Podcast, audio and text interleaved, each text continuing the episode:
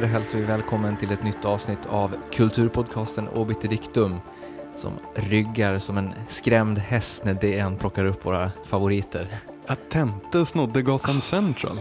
Ja, alltså eh, hur ställer vi oss till Tente överlag? Han, han känns väl som någon slags, eh, ja vad ska vi säga, ändå populärkulturens beskyddare i, i de finkulturella rummen. Men han gör det inte på ett sätt som jag riktigt uppskattar, eller vad man ska säga. Nej, han är ju definitivt väldigt mycket gamla skolan.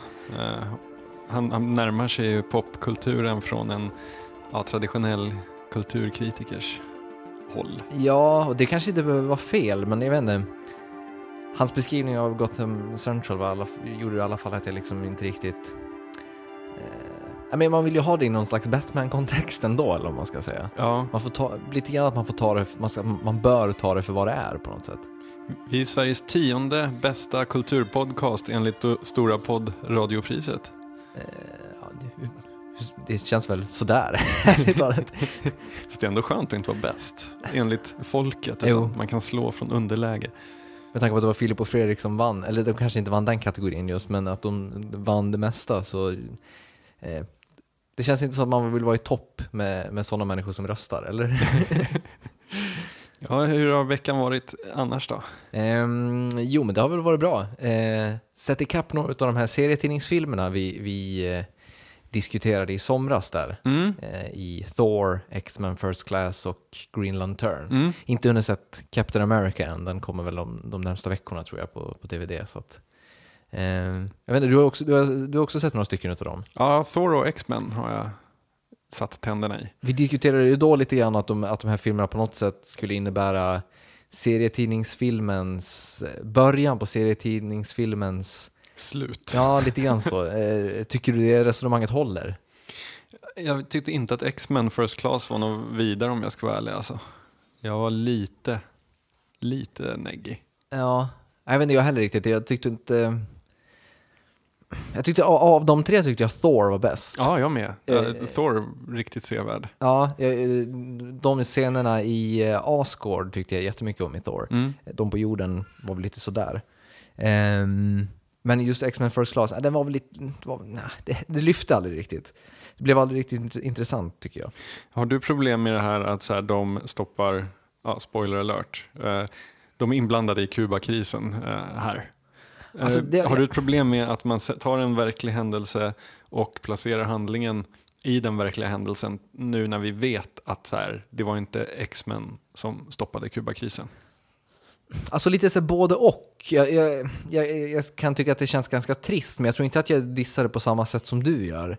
Eh, Fast har jag sagt att jag dissar det? Nej, men du, du pratade då, då i somras i alla fall om att du tyckte det kändes problematiskt att ha en verklig händelse på det sättet. Har jag sagt det verkligen? Jag har för mig det i alla fall. Hmm. Mm. För du tyckte det var bra nu eller? Nej, alltså jag, det förvånar mig att jag har tagit den ståndpunkten, måste jag säga. För jag har nog inget... Det kan vara jag som minns helt fel. Ja, jag vet att Kevin Smith slaktade det upplägget i en modcast. Du kanske misstog mig för Ja, det honom. kanske jag. Nej, jag har inga problem med det. Ehm, Jag... Ja, det ska bli kul att, att spola tillbaka bandet här och, och lyssna på den podcasten. Nu kanske jag säger emot mig själv. Jag, jag är all for alternative history-prylar. Mm. Ehm, och det kan vara så här, ja, historieskrivningen om Kubakrisen säger en sak, men vad vet vi? Alltså, Mm. Det kan ju ha varit så där det gick till. Ehm, så att jag har absolut inga problem med det. Jag gillar, jag gillar när man hänger upp det på välkända historiska events. Eh, precis som när, eh, jag vet inte, så här urban fantasy-författare använder stora branden i London eller någonting sånt där. Det, Mm. Men jag tycker, jag tycker även att de, de gick i, en, i den lite enkla fällan av att vilja ge fansen så mycket som möjligt. Alltså, eh, de bollade in lite väl många karaktärer av de här unga mutanterna som för att liksom säga till fansen att kolla vi har läst serietidningarna. Mm. Eh, och det, det liksom det går, det går lätt inflation i, i det då kan jag känna och det liksom blir så här ja och vad kan du göra? Så liksom bara för att på något sätt vi- vill man liksom man vill visa så här, mutanternas olika krafter på ett sätt som kan, kan bli krystat sen när man ska arbeta in dem i historien på ett, på ett eh, eh, vad ska vi säga, passande sätt. Mm. Eh, så det, det kan jag väl tycka var lite sådär. Och likadant så som, som någon slags origin story till Magneto och Xavier så är det väl också lite sådär. Det, det, det funkar, men det, ja, jag vet inte. Mm. Men eh, så vi gillar båda Thor. Thor, absolut. Jag, jag hade inga problem med när han var på jorden heller. Jag kan, det var lite slapstick sådär, eh, vilket jag är helt okej med. Ehm, för alltså jag gillar när han är så här kaxig, självsäker och sen upptäcker att oj, jag har inga krafter kvar. Vad, eh, vad, vad, vad tror du om hela Avengers-filmen då, till nästa år? Jag har ju aldrig gillat varken League of Extraordinary Gentlemen eller Avengers. Alltså jag har, inte ens i serieform alltså, för jag, det är någon, jag tycker det, paj, det blir lite pajigt. Alltså du har de här eh, extremerna åt olika håll som har massa olika superkrafter. Och på något sätt så, mm, ja, det, blir, det blir för mycket av det goda eh, på något vis. Mm. Alltså jag, jag kan tycka att vissa av serierna funkar jättebra. Av- Avengers Disassemble till exempel, när de har massa problem och sånt. Mm. Eh, men det kan bli lite tårta på tårta när de sluter samman och ska slåss mot onda saker och sånt. Jag gillar i och för sig Hellboy och eh, Bureau of Paranormal Investigation. Ja. Det, det, det tycker jag är jättebra. Men, mm. Men det, det är ju Mike Mignolas ganska så Ja, avskalade, precis. lite mer karga eh, framställning och det kanske funkar bättre med sådana upplägg. Ja, men jag, alltså, alltid så här när superhjältar är i samma universum, det är kul som experiment. så. Mm. Men ofta så kan jag känna att så här, om de ska vara, alltså Iron Man, han är jättecool för sig och Black Widow är jättecool för sig. Men ett universum där de båda två finns och härjar, så liksom förto- alltså det är inte så att summan blir större än delarna utan det är snarare så att delarna blir värda mycket mindre för det blir inflation i coolheten på något vis. Mm.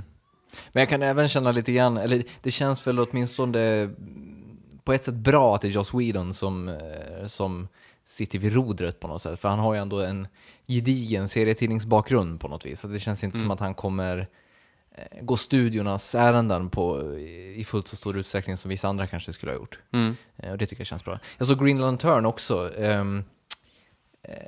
det var, där, där var det snarare så att jag tyckte att hans origin story funkade ganska bra. Mm. Men hela den eh, historien mot, åh, nu kommer jag inte ihåg vad, den, vad hans villain heter i, i, den här filmen, men eh, det är Peter Sarsgaard som spelar honom som får här gigantiskt stor hjärna. Mm. Eh, och hela den grejen tyckte jag funkade sådär. Det blev lite många trådar att hålla igång samtidigt och så tyckte jag även Ryan Reynolds var ganska störig. Alltså, Green Lantern ska ju vara lite kaxig och, och, och så, men jag vet inte. Ryan Reynolds spelar på någon charm som han inte riktigt har. Igen. Mm. Han har inte råvarorna att backa upp det riktigt. Om vi ska bakåtkoppla lite till förra veckans snack om nya tv-serier så måste jag säga att Person of Interest avsnitt två är helt rätt väg att gå. Lite åt det hållet som vi mm, förutspådde eller önskade och hoppades. Ja. Ehm, sen fick vi ett tips på Twitter från The Haters och det är en lista på, som Washington Post gjort över likheter mellan Terranova och Lost. Det mycket likheter eller? Ja, alltså ja, i koncept och så vidare. Men eh, du, du eh, tittar vidare eller på Turnover? Inte sett avsnitt två ännu, det kanske blir så att jag liksom ramlar av kroken, men, men det är min ambition i alla fall att fortsätta titta. Ja, jag vet jag, jag har inte heller sett episod två, såg inte ens klart ettan, men vi får se lite grann. Det kanske blir en sån där över jul, Ja, att man så, provar ett gäng avsnitt på raken och känner hur det känns, men ja, jag vet inte, nej. jag är skeptisk. Eh, ja. nej, och i övrigt så det var lite roligt, jag, eh, nya numret av Sonic så satt jag och bläddrade, eh, jag gjorde en sån här skumning. Var lite kul för alla texter som jag fastnade i, eller så här, när, när jag stannade upp och läste, det, det stod alltid Tobias Nordström Ah. i slutet av dem. Både recensioner och artiklar. Jag tänkte så här, shit, eh, är jag så här förutsägbar? Men det är ju bra att vi är på samma sida. Att vi sync up så. Ja. Ja. Det känns bra. men vad heter det, men kollade du på Apples lilla presentation igår då? Eller Nej. igår, i, i onsdags var den. Jag har I tisdags var den till och med. Ja, jag har läst eh, lite summaries, eh, jobbade under tiden den var så att jag slapp den här Twitterfloden av små know-it-alls som ska... Ja, jag fattar inte den grejen riktigt. Det var ju asmånga som satt och, och twittrade, alltså verkligen så livebevakning av Twitter, men man vet ju att alltså det är en sak om det är massa folk som är på plats där Ja. Och liksom sitter på presentationen och twittrar från den. Det har jag absolut inga problem med. Men, men samtidigt, det här var ju människor som satt vid samma internetsida som jag satt och läste samma bloggposter och sen skrev om dem i 140 tecken och postade och man liksom bara men Alltså om folk vill läsa om det här så, kommer de, så går de med, skicka en länk till feeden istället för att sitta och, och låtsas att du är journalist. som, Det- som gör någon slags bevakning. Det känns generellt som att Twitter har fött ett litet skrå av eh, Broder Duktigs som så här, så när det händer någonting, eh, de kan inte producera material, liksom innehåll på egen hand, men däremot när det händer någonting så sitter de och så här ofiltrerat sitter och bombar ut uppdateringar om det. Så. Ja, Eh, för att då är de där, de realtidsrapporterar som att det var ett egenvärde i, i det. Ja, alltså, och jag kan väl tycka att det kan vara helt okej så länge man på något sätt bidrar med några, några egna reflektioner. Men om man då så här emellanåt och summerar att iOS kommer ha den här och den här vad heter det, nya featuren. Man bara, jo men det kommer alla skriva om. Ja. Skriv istället om vad du, vad du tycker om dem eller Ja. vad, vad de innebär eller någonting sånt. Då. Ja. Eller ge, skriv inte alls på något sätt. Även besviken att det inte var Tim Cook som, eh, som höll i den stora eh, iPhone-tillkännagivandet. De sparar väl på honom tills det är dags för iPhone 5 kanske? ja, precis. Då får han göra sin grand entrance. Ja, Men blev du besviken på att det inte kom någon iPhone 5? Jag vet inte. inte alltså, jag kan inte påstå varken eller. Jag har en, en iPhone och den funkar bra. Jag känner ingen direkt... Alltså, det är lite intressant det här med upp, uppdateringshysterin. För eh, det som händer nu med uppdateringshysteri kring telefonmodeller och kring eh, även iPads eller vad det nu är, att alla ska byta upp sig. Det på något sätt falsifierar ju hela den här idén om cyborgen, alltså vårt, vårt kommande. För jag menar, vem vill göra, sätta i massa implantat och grejer i hjärnbarken i avancerade operationer. Sen två år senare bara, nu är uppgraderingen här. Det är en sak om man bara kan uppgradera firmwaret, men jag menar, eh, det kommer ju aldrig funka att bygga in massa skit i kroppen. För man kan inte öppna och hålla på och rota runt hur många gånger som helst. Kroppen Nej. är ju ganska känslig liksom. Men man får på något sätt eh, komma till ett sånt ställe att man hittar den, den form av hårdvara som funkar eh, och sen då utveckla den rent mjukvarumässigt. Typ. Eh, Eller möjligtvis då att man kanske opererar in lite mer minne eller någonting sånt där. Några terabyte extra i hjärnbarken.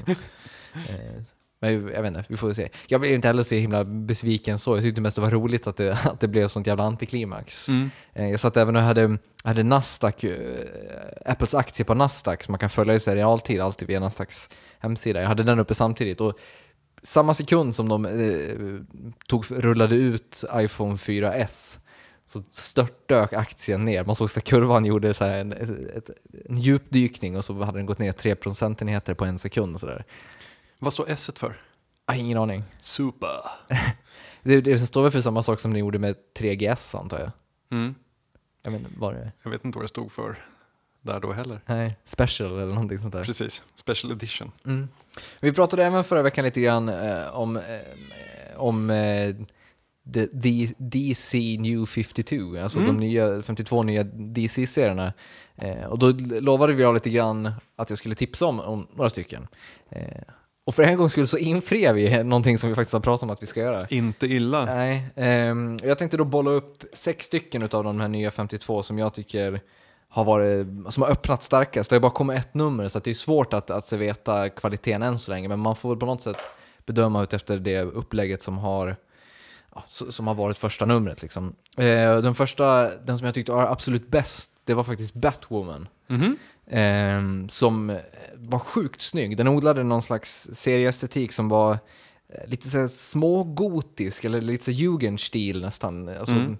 Ganska så art nouveau utan att bli det over the top på något sätt. Mm. Eh, och eh, ja, men det, den, lovar riktigt gott. Bra, bra öppningshistoria också med massa barn som försvinner in i bland massa andar. Och eftersom, alltså, eh, ba- bara för att klargöra, eftersom jag själv är osäker, eftersom det här är en reboot så kan man börja följa den nu. Så att säga. Ja, man behöver inte man ha någon koll efter. Nej. Nej. Alltså, om man vill så kan man väl kanske typ Wikipedia Batwoman om man vill veta eh, lite grann vem hon är eller någonting sånt, Mm. men något, annat behöver man inte. Ehm, även då eh, tyckte jag även att Animal Man var väldigt bra. Mm. Eh, det är ju han som får, ehm, han kan ta krafter från olika djur om man befinner sig nära dem och sådär. Mm. Ehm, och den har fått en väldigt så här, snygg visuell utveckling eh, och för, förlägger historien direkt med att han eh, har slutat vara Animal Man och vill vara familjefar. Eh, men får sådana här, eh, vad ska vi säga, urges att förvandlas till olika djurkrafter och sånt, vilket också, jag tycker det är båda gott. Det känns som att det finns en vilande problematik som kan växa fram där. Jag gillade även Wonder Woman väldigt mycket. ehm, ett väldigt mytologiskt perspektiv, första historien här med, vad heter det, lite ritualgrejer och sånt. Eh, och eh, framförallt så den kanske hade den starkaste karaktärsintroduktionen till Wonder Woman utan att den blev för övertydlig så gav den liksom en väldigt bra ingång till, till henne kände jag. Eh, och Swamp Thing då, den nämnde jag ju tidigare som en postscriptum och jag, den, jag tror fortfarande sjukt mycket på den. Det kommer ju, eh, andra numret av den kommer ju igår så att det mm, ska jag läsa ganska direkt. Eh, även då Action Comics, som eh, spel, han han spelar ganska mycket på liksom, den originella Stålmannen, eh, den klassiska. Han, är, han befinner sig då i, där, där historien börjar i någon slags tidigt skede av sin Superman-karriär eh, och har väl inte helt utvecklats till den fullblodiga Superman än. Utan då är, eh, den, jag tyckte den tog, tog tillvara på Clark Kent-karaktären bättre än Superman-serien. Även om Superman-serien också var ganska bra, eh, så var Clark Kent bättre i Action Comics-varianten. Eh, och sen sista då, det var, eh, som också var, den var sjukt bra, det var All Star Western. Som har fått ganska ljummen kritik från annat håll, men jag tyckte att den, den började sjukt bra. Den följer eh, Amadeus Arkham, som senare då eh, grundar Arkham Asylum. Eh, och Jonah Hex, den, här cowboy, den cowboy-antihjälten. Eh, hur de två sluter upp för att lösa en... De, de letar efter en massmördare i Gotham under the turn of the century, alltså 1800-1900 tidigt där. Det blir lite Jack the Ripper-historia fast med, med då Amadeus Arkham som den här psykologiserande doktorn som liksom dels då försöker förstå brottslingen eh, och även då försöker förstå Jonah Hex och hans, eh, vad ska jag säga, burdusa framtoning. Den blev jag nog mest pepp på. Ja, det, den, men det, det, jag tänkte lite grann när jag läste den också att den är väldigt up your alley. den, den, den båda väldigt gott. Och sen, alltså just den väldigt psykologiserande delen och sen då liksom en ren whodunit nästan inbakad, men på ett, på ett bra sätt. Eh, så det är de sex som jag tyckte var, lovade absolut bäst. Eh, och de, några av de andra som jag tyckte var bra var Detective Comics, Frankenstein, I, Vampire och Batman. De, Mm. de var också väldigt bra tyckte jag. Hur får man tag på de här? Vi slänger upp en, är så eh, generösa, så vi slänger upp en länk eh, till de här, eh, vad heter det, ja till några filer helt enkelt som man kan ladda ner och läsa med tillbörligt program. Det finns i sjön. Precis.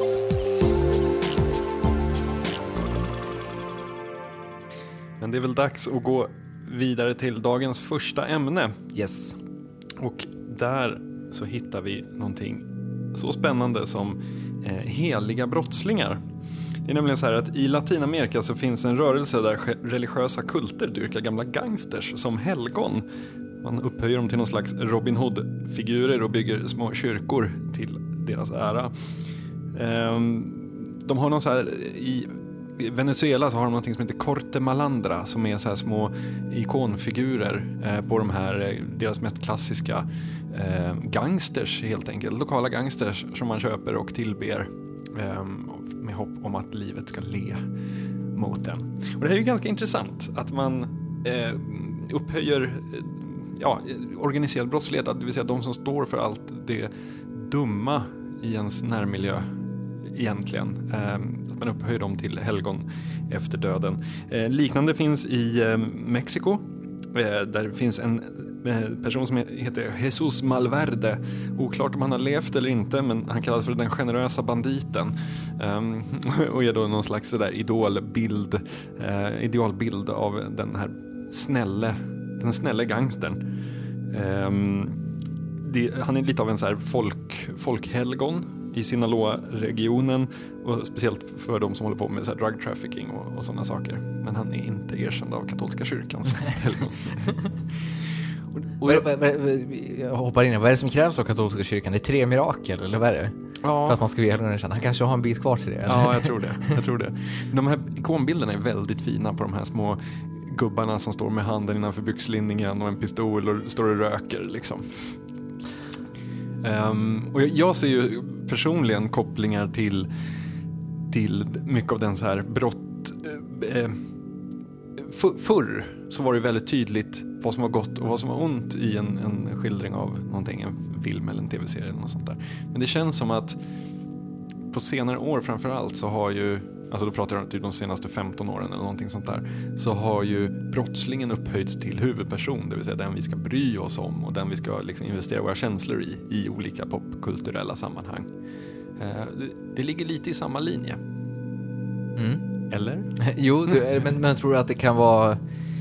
Tror du att de, de här karaktärerna, de här snälla banditerna, tror du att de alltid har, eller de aktade banditerna, vad man ska kalla dem, tror du att de alltid har funnits eller tror du att de är en ganska ny företeelse? Det är en ganska ny företeelse.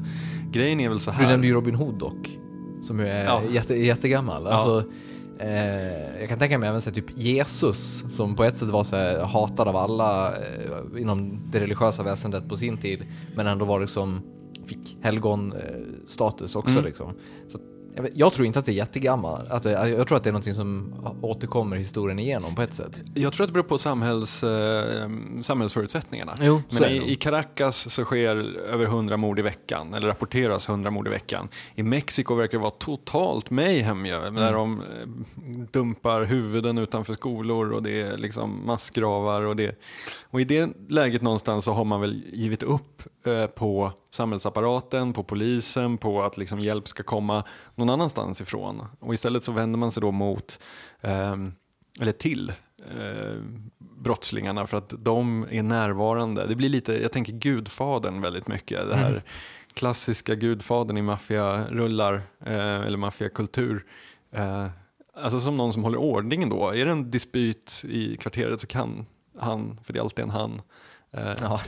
reda ut den. Jo, men det är väl så lite grann där alltså. eh, eh, Alltså jag tror att det kan vara där hela den, alltså i just sådana nästan så krisdrabbade områden så tror jag att det, eh, det är det som, blir, som lockar hos de, de sådana kriminella, att de har faktiskt en, en reell makt att påverka saker.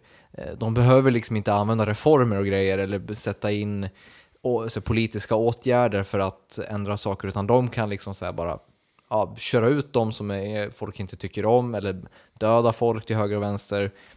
Eh, Och det, det ger dem ett sätt att förändra snabbt och därmed så får, kan de få sig på lite, vad ska vi säga, folkets aktning. Liksom. Mm. Eh, så det, det tror jag är en bidragande orsak. Eh, och sen tror jag även att det liksom, det finns, jag tror själv, självklart det finns ett element av, av rädsla också. Mm. Alltså att man, det är bättre att säga att man tycker om de här kriminella än att säga att man inte gillar dem. För att säger du att du inte gillar dem så vet man inte riktigt vad som kan hända. Nej, men det är ju en sak om du är, om du är en smågangster själv så kanske du tillber någon så här gammal storgangster eh, som för, för god tur. Liksom. Precis som att man, ja, att, det sker väl inom de flesta skrå sådär att man, eh, i alla fall det finns liksom tro inblandad, att man har någon slags ikon från förr som så här, man, man ber om god tur. Ehm, men däremot att så här, familjer till, mm, ja, jag vet inte, familjer till folk som har blivit mördade i den här verksamheten, att de när de ska sörja sina nära och kära, att de vänder sig mot det. Det, det, blir, det blir lite knepigt kan jag känna. Ehm, och det, det som jag också tycker är knepigt, det är liksom det här, jag såg på Sons of Anarchy, första eh, avsnittet av nya säsongen, när det har kommit en ny sheriff till stan som ska liksom rensa upp.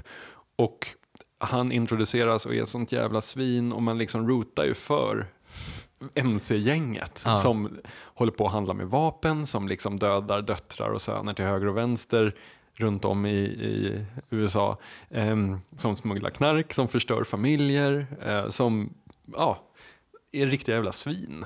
Men man, ändå rotar man för dem. Och det, det, exemplet Sopranos är ju det ännu tydligare kanske. Mm. Det blir, ja, jag vet inte när det börjar, kan det ha varit Scarface?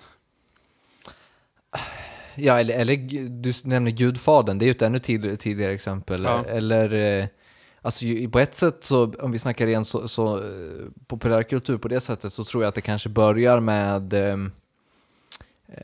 kanske med så film noir, alltså de Ja. antihjältarna som på ett sätt är de ju liksom goda, Bogey och, company i, i liksom de här hårdkok, som de här hårdkokta deckarna de slåss ju för det goda på ett sätt, men de är ju samtidigt ganska så här uh, otrevliga och behandlar folk ganska illa och sånt här. Mm. Men man, man idoliserar dem ju ändå på något sätt för att de, ja men de är de här, uh, vad heter det, De- rebellerna liksom, som, som liksom rensar upp och gör, gör det som behövs göras snarare än det som kanske är liksom det rätta att göra på något Mm. sätt.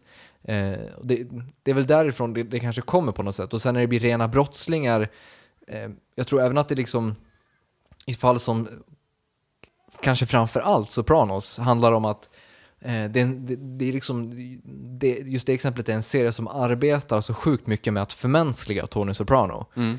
Eh, alltså att han gör de här helt eh, sjukt våldsamma sakerna och han eh, har ihjäl folk till höger och vänster och sådär. Men vi vet ändå om hans psykologiska problem och allting sånt och därför så för oss blir han sjukt mänsklig och vi kan på något sätt, även ifall vi inte kan relatera till handlingarna så kan vi relatera till hans eh, mentala tillstånd och därför på något sätt sympatisera med honom även ifall han på många sätt Fast- är en ved- ja. vidrig människa. Fast om man tittar på typ criminal minds eller liksom van, valfritt så här, vansinnesbrott ute i samhället. Mm. spelar ingen roll om de är sinnessjuka eller liksom har problem och blivit abusade som, som barn. Man, man tänker aldrig på det utan man tänker så här, Men jag- jävla seriemördare, du ska dö, vi borde Dexter? införa... Ja, jo precis, Dexter är också en sån. Ja. Ehm, men men i norm, det normala fallet så är är det liksom så här att det här är en fara för eh, vår, vår säkerhet.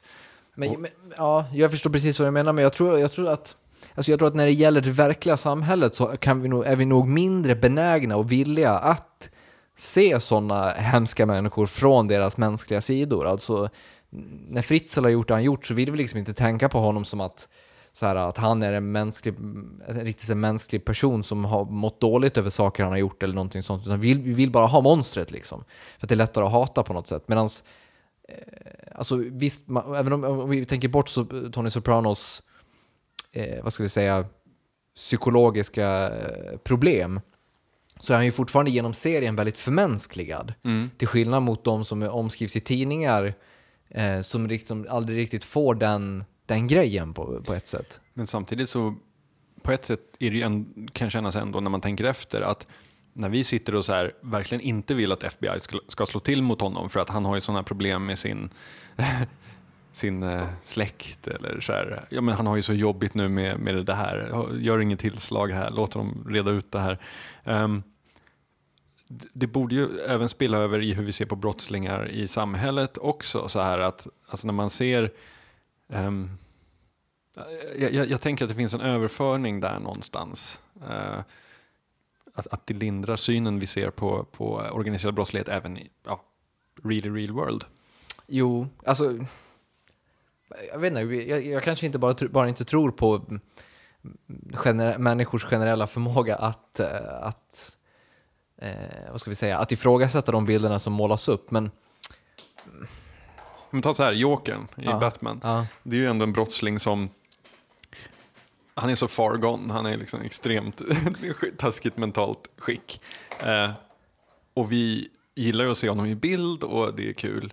Men vi vill ju ändå att Batman ska ta honom därför att liksom, det är ju ändå en ond jävel. Jo, men där tror jag, vi, alltså där tror jag man kan säga att, man kom, att vi kommer in på något annat. För där tror jag att vi kommer in på det, någonting så som är lite kittlande med ondska på något sätt. Alltså, Jag tänker på så Seven, så är ju John Doe eh, hur vidrig och hemsk som helst, men han är ju ändå någon slags sjukt fascinerande karaktär som man på, på något sätt tycker om, eller vad man ska säga. Kanske, tycker om kanske är fel ord, men fascineras av åtminstone. Mm. Det Ehm, som Hitler. Ja, exakt. Hitler, eller det, det, alltså det finns ju hur många som helst. Hannibal Lecter i Mm. mm. När lammen tystnar, är Mm. samma sak där. Alltså, eh, där. Där tror jag mer att det blir den här, eh, vad ska vi säga, när, när den rena ondskan får ett ansikte som beter sig väldigt obehagligt så finns det något lite kittlande och Mm. någonting lite så här eh, fascinerande i det på något sätt. Jag ska göra en, en remake av Scarface också. Eh, Usch då. ja. Ska vi börja med att eh, såga den idén? Ja, Eller? Ja. det är gjort. jag, jag tänker väl ändå så här att det är en ganska tidlös historia. Alltså den, den går att placera i vilken tid som helst egentligen. ja. Men eh, det står så här, en sajt som också är kritisk mot remaken. Eh, därför att man tror att ingen kommer liksom eh, lyckas med Pacinos roll. Men då skriver de så här. Tony Montana was a plan, man with a plan. He knew what he wanted out of his life. At the same time he was achieving his dream of the riches that he never had. He was actually still learning how to achieve them. This is why Pacino's Tony Montana is perhaps one of the most relatable characters in cinema history. Först, köper du att han är one of the most relatable characters in cinema history? Nej, det gör jag inte. Nej. Alltså jag, jag, jag, jag har ju ganska svårt för, vad heter det, Scarface. Eh, jag tycker på många sätt att det är filmen som, som förstörde Al Pacinos karriär. För att det, det, det är där på något sätt han anlägger hela den här jävla gapigheten som sen har präglat honom. Liksom det, det här Say hello to my little friend och allt det där. Mm. Det, det, är på något sätt där den, den skrikande Al Pacino föds. Come on now! Ja, Åh! alltså, hela den grejen skulle liksom inte ha kommit om det inte var för Scarface på ett sätt. Nej. Sen kan jag också tycka att, alltså visst den är väl lite, lite, lite charmig, eller vad man ska säga, men det, den är ju inte så, så jävla bra eller, egentligen. Nej. Nej. Du, Hur, tycker du, hur ställer du dig till Scarface? Ja, men jag, jag tycker väl om den egentligen som film, det måste jag säga. Inte på det där besatta sättet som många gör. Eh, Men jag kan ändå hålla med om att jag kan relatera till hans dröm Ja, om jo. att så här, klösa sig ut till vilket pris som helst. Eh, Men jag vet inte, den säger väl mer någonting om ett liksom, kapitalistisk eh, eh, alltså, competition Mm. snarare än, än eh, ja, jag vet inte. Det är också en sån film som så alla fotbollsspelare har som sin favoritfilm. Och så Springsteens eh, Born to Run som favoritskiva. Det är, liksom, det är alltid antingen Gladiator eller Scarface. Det, Mm. det är de här två filmerna som fotbollsspelare Mm. tycker om. Gladiator är en annan film där vi rotar för en brottsling. Ja, jo. Fast det här är ju en, en helt annan sak på något sätt. Ja men det finns ju i det fallet, eller nu ska vi inte prata gladiator här för allt i världen, men det finns ju ofta där de är, liksom, de är brottslingar under en rådande lag Mm. och the, king, the powers that be. Ja. Men de är moraliskt har de rätt. Ja, men där tror jag, alltså just såna, så, den formen av hjältar, de- kan nog ofta spela på vår, på hur vi håller på underdogen och liksom Mm. hur vi på något sätt ser att samhället är eh, Samhället är ont liksom. Mm. Och de här, även ifall vi inte håller med om deras metoder så kan vi sympatisera med deras sak på något sätt. Eh, jag tänker så här, V for Vendetta är ju ett Mm. typexempel där han för oss är ju en här, riktig superhjälte på, Ja. ett, på ett sätt, men ur samhällets synpunkt är han ju en terrorist liksom. Is it proper in the mind to suffer? Ja. Or to take, take arms against the sea of troubles and by opposing end them? Ja. Överkurs. Ja, men vad heter det? mm, Men, men du, du, du pratade lite grann om, vad heter det? Om Sons of Anarchy där. Är inte, är inte fallet med dem också eh, väldigt mycket den grejen att, att de förmänskligas? Jag tänker även på, vi bollar alltid upp The Wire, men Mm. vi tar, kan ta det som exempel igen. Mm. Där är ju de onda verkligen inte onda på ett sätt. Nej, de gör vad de måste göra Ja. Och det, det, kan inte det vara någonting som är ganska lätt att sympatisera med? Jo, definitivt. Det är liksom inte dem, utan det är, en kul, det är en kultur som gör dem på det här sättet. Precis, men där, därifrån till att bygga kyrkor till Stringy Bells ära eh, är steget ganska långt. Ja. Men kan inte det bara vara ett verkligt symptom på något sätt på att visa uppskattning för de här människorna? Jo, men jag tänker det finns också en denial-grej inblandad i det hela. Att man lever i det kaoset som är i, liksom, på landsbygden i Mexiko eh, och man ehm, Alltså på något sätt så är det ju någon, någon förnekelse när man istället för att ehm, hur det nu skulle gå till, alltså kollektivt arbeta mot de organiserade brottssyndikaten. Mm. Eh, fråga mig inte hur man skulle göra det, men, men istället för att liksom gå emot dem så börjar man dyrka dem. ehm, de ledande figurerna där, för man tänker att om inte samhället kan hjälpa mig så måste åtminstone de här kunna det, för de bor ju i sina palats med sina lejon och djurparker och sånt där som knarkkungarna har i. Mm. Jag tänker bara säga, jag hörde någon, eh, det här blir ju väldigt från höften den här, den här historien, men det var någon, för några år sedan, eh, det kanske till och med var i slutet av 90-talet, så var det en historia om när Hells Angels flyttade in i något så område i, i, någonstans i Skåne. Det här området hade väldigt mycket kriminalitet, men när Hells Angels flyttade in så gick de och knackade dörr hos alla som bodde i det här området och berättade att det, ni, kan, ni kan vara lugna, det, det kommer inte vara några problem nu. Och har ni några problem så kom till oss, Mm. så kommer det lösa sig. Mm. Eh, och efter det så var det liksom hur lugnt som helst i det här området. Mm. Och sånt kan jag tänka mig eh, Sånt kan jag tänka mig verkligen bidra till, sådana saker. Alltså när, när då Jag kan tänka mig här mexikanska städer där det är liksom helt galet med, med drive-bys och, och mord och allting. Om det då kommer in ett, någon knarkkartell och bara så här kontrollerar och ser till så att den enda brottsligheten som finns, det är vår brottslighet Mm. så kan jag tänka mig att det faktiskt är någonting som faktiskt har funkat i, på ett ställe där det i tio år har varit kaos. Liksom, Mm. Där polisen inte har kunnat göra någonting. Mm. Eh, så att, jag menar. Jag får se, jag är lite sugen på att köpa en så här Korte Malandra-docka för de är oerhört tjusiga. Men från eh, en, eh, ett alternativt universum kan, kan vi väl kalla det för, till eh, ett, annat. annat.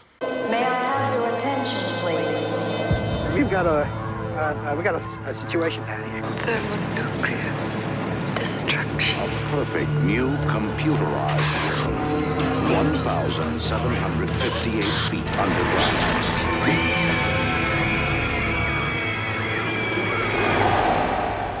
B-filmscirkeln sätter sig ner efter ännu en storslagen film under bältet. Upplaga nummer två. Upplaga nummer två. Hur känns det? Har vi fått upp farten än? Vi har fått upp farten den här gången är jag lite mer peppad faktiskt. Förra, Ja, Jag jag med definitivt. förra gången så var det lite så här, åh, det här var ju kanske inte riktigt det vi var ute efter.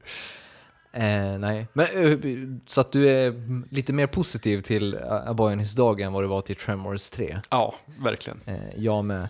Eh, A Boy and His Dog alltså, det är eh, en film med Don Johnson i huvudrollen som Vic och hans hund Blood. Eh, och de två drar då runt i ödemarken efter ett fjärde världskrig, eh, som jag för mig det var 20, 2024 som den utspelar sig. Eh, så det är ju någon form av postapokalyptiskt samhälle eh, som präglas av gäng som drar runt, våldtäkter, våld eh, och en lite annorlunda twist där under marken visar det sig. Ja, och helt plötsligt så eh, Fallout, Fallout-serien har, har väl hämtat viss inspiration från den här kan jag känna. Eh, det här sättet att bara roama runt i vildmarken och så här, hopp, där var ett överfall, där dog några, ja, ja, jag drar väl vidare. Och de här kar- konstiga karaktärerna som liksom befolkar det här wastelandet. Ehm, Men det känns som att den, den sätter en del, eh, vad ska vi säga, eh, estetiska ribbor för hur postapokalypsen ska eh, porträtteras i, i framtiden. Den kommer ju innan Mad Max till exempel. Eh, och Mad Max känns ju som, eh, vad ska vi säga, rent eh, settingmässigt som en karbonkopia nästan. Ja, jag var, jag var, när jag höll på att anteckna under så, eh, filmen så, så skrev jag faktiskt så här, Mad Max-samhälle. Sen Ja. kollade jag upp och så insåg jag att just det, den här var före. Ja. Ja. Ja. Eh, till skillnad från i Mad Max så är det ju olja och bensin som alla är ute efter. Ja. Här är det ligg, Ja. på, på. Ligg eller mat. Ligg eller mat, ja. Va, va, hur tyckte du det funkade? Alltså i början så kändes det sjukt krystat när det var så här female. Eh, eh, vi kanske ska börja med att prata om det här med att hunden, att han pratar med sin hund. Eh, Telepatiskt också. telepatiskt. Ehm, från början var jag väldigt osäker på om det här var liksom något tecken på någon slags dårskap eller liksom att det var inbillat allting. Ja. Men sen så läste jag lite om det och i boken eh, som den baseras på så framgår det väldigt tydligt att det är en genetiskt experiment, alltså att de har avlat fram den här sortens. Framgår det där att det är hunden som är genetiskt förändrad eller är det människan som är det? Alltså är det, Hunden. Det är hunden, ja. Ja. Det förklarar också varför han inte kommunicerade telepatiskt med den andra hunden som dök upp lite längre fram i filmen. sen. För de är designade att bara kunna, de, de kan bara prata med en person. Ah, okej. Mm. Ehm, mm. Eh, så att jag tänkte länge att så här, det, vore, det, det är kul att så här, isoleringen har drivit honom till sånt vansinne att han pratar med sin hund. Och därför köpte jag det rakt av. Eh, Det är ju dock en, föder ju en helt annan läsning av filmen om man föreställer sig att han faktiskt pratar med sig själv och att han fantiserar ihop allt det här Ja. med hunden. Ja, ja men det var så jag kände. Så Ja. att jag, men jag, det är så jag väljer att följa det här. Kanske för att själv inte bli knäpp. För att det, det, det är ju onekligen... ehm, jag undrar hur man säljer in det här till produktions... alltså till finansiärerna från början. Ja, men det är en snubbe som kan prata med sin hund telepatiskt och han går runt och letar ligg. Ehm, ja, jag vet inte. Men, men om man köper den premissen att han kan prata med sin hund, vilket jag gjorde Ja. rakt av. ehm, så eh, i början så kändes det ju jävligt konstigt där. Alltså för det första Don Johnson, när man vet vilken sexikon som han växte upp att bli så blir det, känns det för det första så här helt awkward. Eller hur känns det här radarljudet som hunden gör när... när... När han känner den. ja. Ja, ja, jag vet inte. Men det är väl bara, alltså det är väl för att symbolisera att han är i, alltså i det modet. ja. Så det är ju en filmtekniskt grepp. Men, men Don Johnsons törst efter kvinnor kändes lite dåligt spelad i början och lite så här, man bara, mm, vad är det här? Men sen om man tänker efter så här, okej, vi har ett samhälle där det finns väldigt, väldigt få kvinnor, ännu svårare att hitta mat typ. att det kanske så här, om man inte har några andra mål att sträva efter, jag menar det här det är en person som har växt upp i den här världen där det går ut på att så här, överleva. Och han kan inte så här, satsa på att så här, ja men jag hoppas att jag kan vara mellanchef nästa år. Eller jag hoppas att jag kan säga upp mig här och starta eget snart. Det finns liksom inga sådana mål. Det finns bara liksom köttets krav på något vis. Då, då kanske den sortens erövringar är liksom det enda som är intressant. Att få mat för dagen och att så här, ha kul. Alltså, innan, innan jag pratar om det jag tycker är sjukt positivt med, med det här liggsökandet så ska jag väl säga att det speglar på, eh, samtidigt någonting så sjukt ganska trist heteronormativt med Ja. en snubbe som eh, glider runt och bara åh, och jag måste, åh, åh, bara- är så här liksom slav under sina begär. Men sen och det, det var lite så jag tänkte först, eh, först i filmen, första mötet med en kvinna, den här kvinnan som har blivit mördad, eh, så säger han ju det här med att han tyckte att det var onödigt att de skar upp henne för att man hade kunnat eh, använda henne tre, fyra gånger till, säger han. Då liksom blir man ju såhär, vad fan.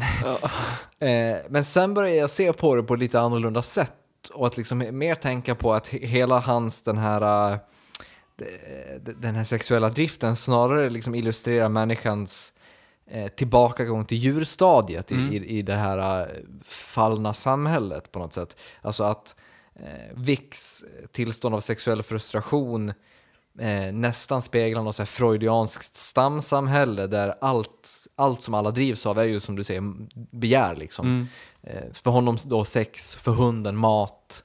Eh, så att det enda Popcorn. Liksom, ja, popcorn. det enda de liksom kan relatera till överhuvudtaget, det är liksom ja, att, att, tillskansa sig de här sakerna på något sätt. Mm. Ja, sen, det- jag tyckte var lite märkligt var så här när han säger It's been six weeks since last time. Och då känner jag i den här världen, sex veckor, eh, är det så jävla lång tid sen? Alltså, Det är väl ett tag ändå. jo, men jag vet inte. Det kanske säger mer om våra sexvanor än hans vanor. Ja, men det känns som att så här, ja, jag vet inte. Jag, jag, tyckte att i den världen där det är så Ja, svårt så, ja. att liksom ens hitta mat för dagen eller det är svårt att, ja, jag vet inte, sex veckor, eh, säg att man måste roama läng, i, längs en öken i tre veckor för att ta sig mellan två bosättningar. Ja. Jag vet inte, det, känns, det kändes underdrivet.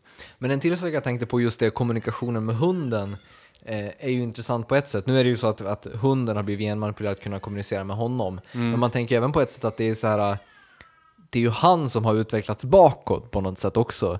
Att det är han som har, det är inte, det är inte hunden som blivit människa, det är han, det är Vic som har blivit hund och därför pratar med djuren och drivs av samma sak som djuren gör, alltså massa så instinkter och sånt.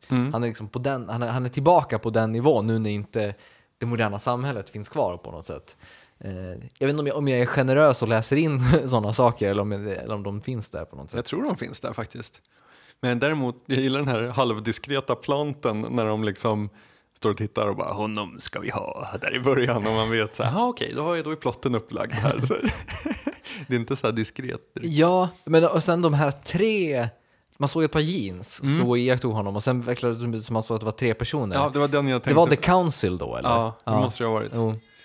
Ja. Eh, vad, vad vi kan väl gå, hoppa direkt på den grejen då, när han flyr ner efter den här eh, kvinnan, Quilla heter hon. Mm. Eh, när han flyr ner efter henne i den här underjorden Mm. och kommer till, till den här lätt bisarra platsen. Vad, vad, vad tyckte du om den? Det, det, här lilla eh, egna samhället eller vad man ska säga. Nästan lite så här Eden Ja. Project-grej. Ehm, jo, men jag, under, under liksom de förutsättningar som gavs så gillade jag det ändå. eh, Att det drivs av, styrs av den här kommittén och att folk försvinner i, och vad heter det, The Farm. Ja. Ja. Jag kan, jag kan på något sätt känna att den, hela den delen kändes på något sätt som någon slags satir över vårt samhälle. Alltså att här har vi visat nu i typ en timme eh, ett samhälle som är liksom helt hemskt och helt eh, så jättelångt ifrån det, det vi föreställer oss om hur ett samhälle bör vara. Och sen visar de oss bilden av eh, någon slags eh, satir satirisk bild över hur vårt samhälle faktiskt är. Eh, alltså jag tänker på mm, de så här, religiösa eh, sektundertonerna med, med avling av nya människor och sånt. Eh, jag tänker på, vad heter det, hela den här eh, feststämningen. Det här med att han tvättar så här ren direkt när han kommer ner, för han måste vara ren och fin när han är liksom i det här fina samhället. Eh, eller när alla sitter och äter och lyssnar på de här marscherna. Alltså det är ju på något sätt Eh, även ifall den inte gör det jättebra så, så kastar den på något sätt sken över ett stört kulturellt beteende som vi pysslar med på något sätt. Alltså vi har byggt upp ett samhälle där vi gör jättemycket konstiga saker. Eh, och de här sakerna han kanske sysslar med kanske egentligen från början i alla fall är någon slags naturstadie på något sätt. Jag måste bara säga det, det är inte så ofta som vi får göra interaktiv eh, podcast eftersom vi inte är live. Men just nu så kom det in ett Twitter-meddelande eh, apropå filmen. Ja, Eh, det är från din syster oj. som skriver, skriver kollade på A Boy and His Dog på tåget. Slutet var... Punkt, punkt, punkt, oväntat. Eh, Ska vi gå direkt till slutet? Ja, vi går direkt till Ja. slutet då. Eh, själva slutet innebär ju då, och spoiler alert för om man inte har sett filmen, eh, det- de flyr tillbaka då upp ur den här underjorden, han och den här kvinnan, Vic och Quilla, eh, och hittar den här hunden igen då som har väntat på dem, Blood. Och då, hon har då lovat, med, lovat att hon ska följa med honom och ge honom allt det han behöver och så här. Och sen när han träffar hunden igen då så har hunden, hunden skadar sig då innan han fly, flyr ner i underjorden. Eh, och hunden är då hungrig. Och då bestämmer sig vad heter Vic för att de ska döda kvinnan och äta upp henne. Ja. Och så gör de det och sen vandrar de in i solnedgången tillsammans. Vad, vad, vad tyckte du om det slutet? Den, det är ju en, eh, det är en, jag vet inte vad man ska säga, det är en väldigt udda twist. Eh, jag var tvungen att kolla om det där var någon så här film, filmmanuset, men tydligen i boken så är det ännu mer explicit. Där är det verkligen en sån äta upp. Alltså i filmen så finns det ju ändå en, alltså man är så här, what? Hände det där Ja. just? Vad Man jag- får inte se det utan de implicerar det. Mm, vad han säger, she had a bad taste. Eller, Mm. ja.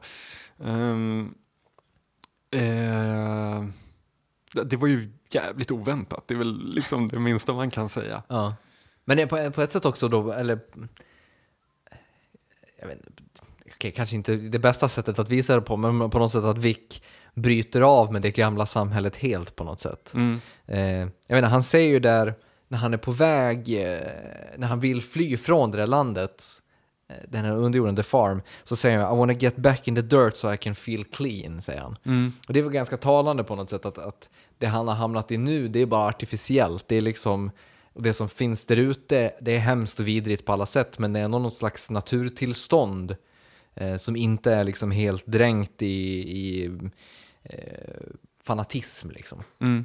Det gör det på något sätt, jag, vet- jag antar att boken, boken känns som en så här eh, individualismens eller den eh, hårt dragna li- liberalismens eh, ett, ett typiskt sånt inspirationsverk för dem. För att det är ju på något sätt eh, individualismen tagen till sin spets. Det är alla för sig själva, eh, det är bara att tillskansa sig allt man kan och hela den biten. Mm. Eh, elegansen levererar igen med ett långt blogginlägg. Ja, han var inte alls lika positiv som vi är, låter det som. Nej. Ehm, nej. Han var ga- ganska, eh, vad ska vi säga, han, han, har, han hade väl visst fog för sina åsikter kan jag säga, men jag, jag tror att han, han är inte lika generös med sin läsning av filmen som vi kanske var. Nej. Um,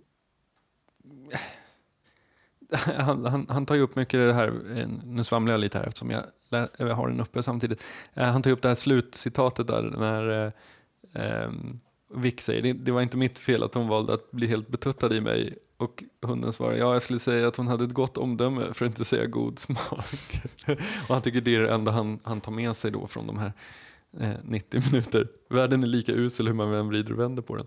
Ehm, mm, mm. Jag tyckte annars det bästa ögonblicket i filmen var när hon Quilla slår två män medvetslösa med en blombukett. Ja. När hon ska eh, frita Vic. Han ligger fastspänd på någon brits eh, liknande och blir mjölkad. Eh, och så kommer hon in då och slår en bukett blommor i bakhuvudet på två personer och de säckar ihop. Men eh, läser vi in för mycket i den tror du? Alltså så här, vill vi, vill vi se mer i den än den har? För vi är positiva båda två, Om eller vi, hur? ja, men, men, ja, jag, jag är definitivt positiv. Jag kan, på ett sätt så kan jag säga, ja det gör vi väl definitivt. Men, å, men å andra sidan så kan jag känna så här, om, om man tänker på eh, själva historien då som är skriven som en bok, du skriver ju inte en sån bok om du inte gör det för att skildra samtiden på något sätt. Nej. Det, det är ju inte en ren eh, eskapistisk skildring av någon slags Det är inte nöjeslitteratur. Nej, liksom. precis. Utan det känns som att det finns ju här någon slags inbyggd kritik över människans sätt att vara. Mm. Eh, och det, det tror jag ger oss, eh, känner jag i alla fall, ger oss rätt att läsa in sådana teman eh, ganska explicit ändå. Mm. Eller vad, vad, vad tycker du?